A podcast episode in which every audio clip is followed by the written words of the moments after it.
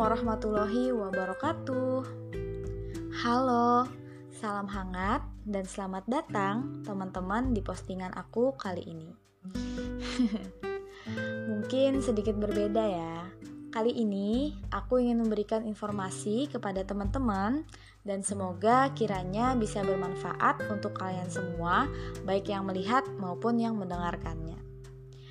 Hmm, sebelumnya ada baiknya aku memperkenalkan diri dulu kali ya. Anggap aja ini sebagai sebuah permulaan, di mana ke depannya nanti aku akan memberikan informasi-informasi yang bermanfaat lainnya untuk kalian semua. oke oke lanjut ke pembahasan awal ya. Siapa tahu teman-teman nih masih ada yang belum kenal sama aku. Perkenalkan, namaku Falehah Nabila, biasa dipanggil Bella. Saat ini, alhamdulillah, aku menempuh pendidikan jenjang S1 Prodi Ilmu Pemerintahan di Universitas Lambung Mangkurat dan sedang menjalani semester 4. Oke, pada kesempatan kali ini, aku mendapatkan tugas mata kuliah Tata Kelola Sumber Daya Manusia Pemerintahan yang mana salah satu dosen pengampunya yaitu ada Bapak Fadli untuk membuat sebuah foto atau video maupun infografis tentang jenjang karir sumber daya manusia pemerintahan. Yang mana pada kesempatan yang luar biasa ini, aku membuat sebuah infografis dan akan aku jelaskan melalui visualisasi suara. Tujuannya apa?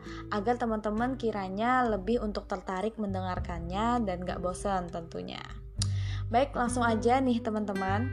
Jadi, jenjang karir sumber daya manusia pemerintahan atau aparatur sipil negara itu sendiri dipengaruhi oleh dua hal nih. Apa saja? Yaitu yang pertama pangkat dan jabatan dari sumber daya manusia atau aparatur sipil negara pemerintahan itu sendiri. Nah, untuk pangkat itu ternyata dilakukan kenaikan setiap 4 tahun sekali Yang mana untuk pangkat itu terdiri atas tiga Yaitu pertama ada pangkat reguler, pangkat fungsional, dan pangkat struktural Nah, adapun jabatan itu terdiri dari jabatan pemula, jabatan pengembangan, dan jabatan pemantapan. Kenaikan pangkat dan jabatan dari sumber daya manusia atau aparatur sipil negara pemerintahan itu ternyata dilakukan dari berbagai pelatihan-pelatihan, diklat, diklat PIM, dan lain-lain. Yang mana semuanya bertujuan untuk meningkatkan uh, jenjang karir dari sumber daya manusia pemerintahan. Kemudian, untuk uh, mencapai hal tersebut ternyata ada golongan-golongan di dalam aparatur sipil negara pemerintahan itu sendiri yang terdiri atas empat golongan. Yang pertama yaitu golongan satu biasanya disebut dengan juru. Nah ini untuk lulusan ASN lulusan SD hingga SMP. Kemudian ada golongan dua biasanya disebut dengan pengatur. Ini adalah lulusan SMA hingga D3. Dilanjutkan dengan golongan 3 yaitu untuk lulusan S1 atau D4 biasanya disebut sebagai penata dan golongan 4 itu biasanya disebut dengan pembina. Ini untuk uh, lulusan dari S1 hingga S3. Intinya untuk pendidikan yang sudah paling tinggi. Nah, perlu teman-teman ketahui, golongan ini ternyata mempengaruhi gaji atau penghasilan yang didapatkan oleh setiap aparatur sipil negara. Jadi, setiap sumber daya manusia atau aparatur sipil negara pemerintahan yang ingin naik pangkat dan jabatan harus mengikuti berbagai pelatihan-pelatihan yang dilakukan oleh Badan Kepegawaian. Nah, itu tadi teman-teman Mungkin itu saja penjelasan singkat tentang jenjang karir sumber daya manusia atau aparatur sipil negara pemerintahan pada kesempatan kali ini. Sesuai perintah tugas dari Bapak Fadli, pada kolom caption nanti aku akan sertakan komentar terhadap jenjang karir sumber daya manusia pemerintahan yang ada di kotaku, yaitu Kabupaten Tanah Bumbu. Baik, terima kasih teman-teman. Mungkin itu aja yang dapat aku sampaikan. Apabila ada salah kata maupun penyampaian yang tidak berkenan mohon dimaafkan. Salam hangat, sampai ketemu pada postingan berikutnya. Terima kasih. Wassalamualaikum warahmatullahi wabarakatuh.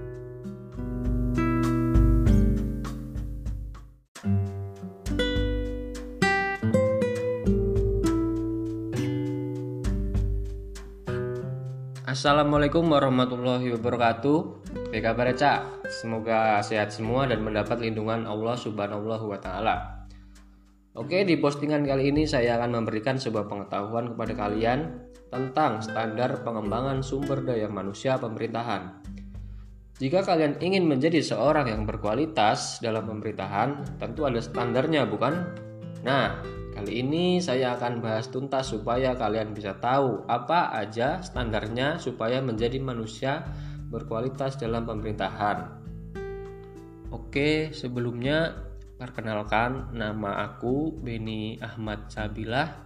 Saat ini sedang menempuh pendidikan di Universitas Lambung Mangkurat jurusan Ilmu Pemerintahan. Ya, tanpa basa-basi langsung saja ya. Standar pengembangan sumber daya manusia pemerintahan dapat dilakukan dengan tiga tahapan kegiatan.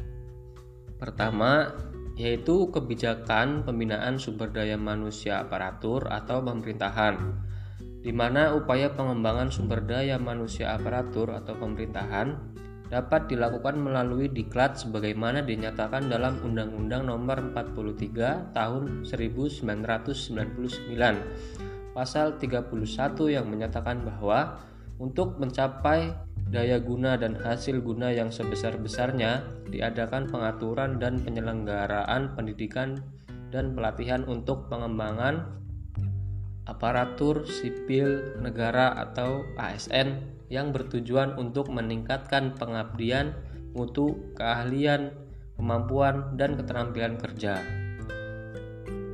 Kemudian yang kedua yaitu arah dan strategi pengembangan sumber daya manusia aparatur pemerintahan di mana untuk menganalisis arah dan strategi pengembangan sumber daya aparatur kiranya perlu disimak berbagai hal atau faktor kunci keberhasilan yaitu critical success factor yang meliputi pengembangan sistem kepegawaian yang unified, proporsional dan rasional Pengembangan sistem manajemen kepegawaian yang mampu mengantisipasi perkembangan lingkungan strategik dan memantapkan profesionalitas aparatur sipil negara yang seimbang dengan kebutuhan organisasi, pengembangan karir, dan kesejahteraan pegawai. Oke teman-teman, pasti kalian menunggu yang ketiga kan? Nah, yang ketiga yaitu pengembangan kompetensi sumber daya aparatur, di mana sumber daya aparatur yang berkualitas merupakan prasyarat dalam meningkatkan mutu penyelenggaraan negara serta pemerintah kepada masyarakat dan agar setiap upaya pembinaan ke arah peningkatan kualitas aparatur pemerintah mencapai sasaran dan menjadi relevan dalam menjawab tuntutan reformasi pada pencapaian standar kompetensi baik bagi aparatur pemangku jabatan struktural, fungsional maupun staf atau pegawai non jabatan.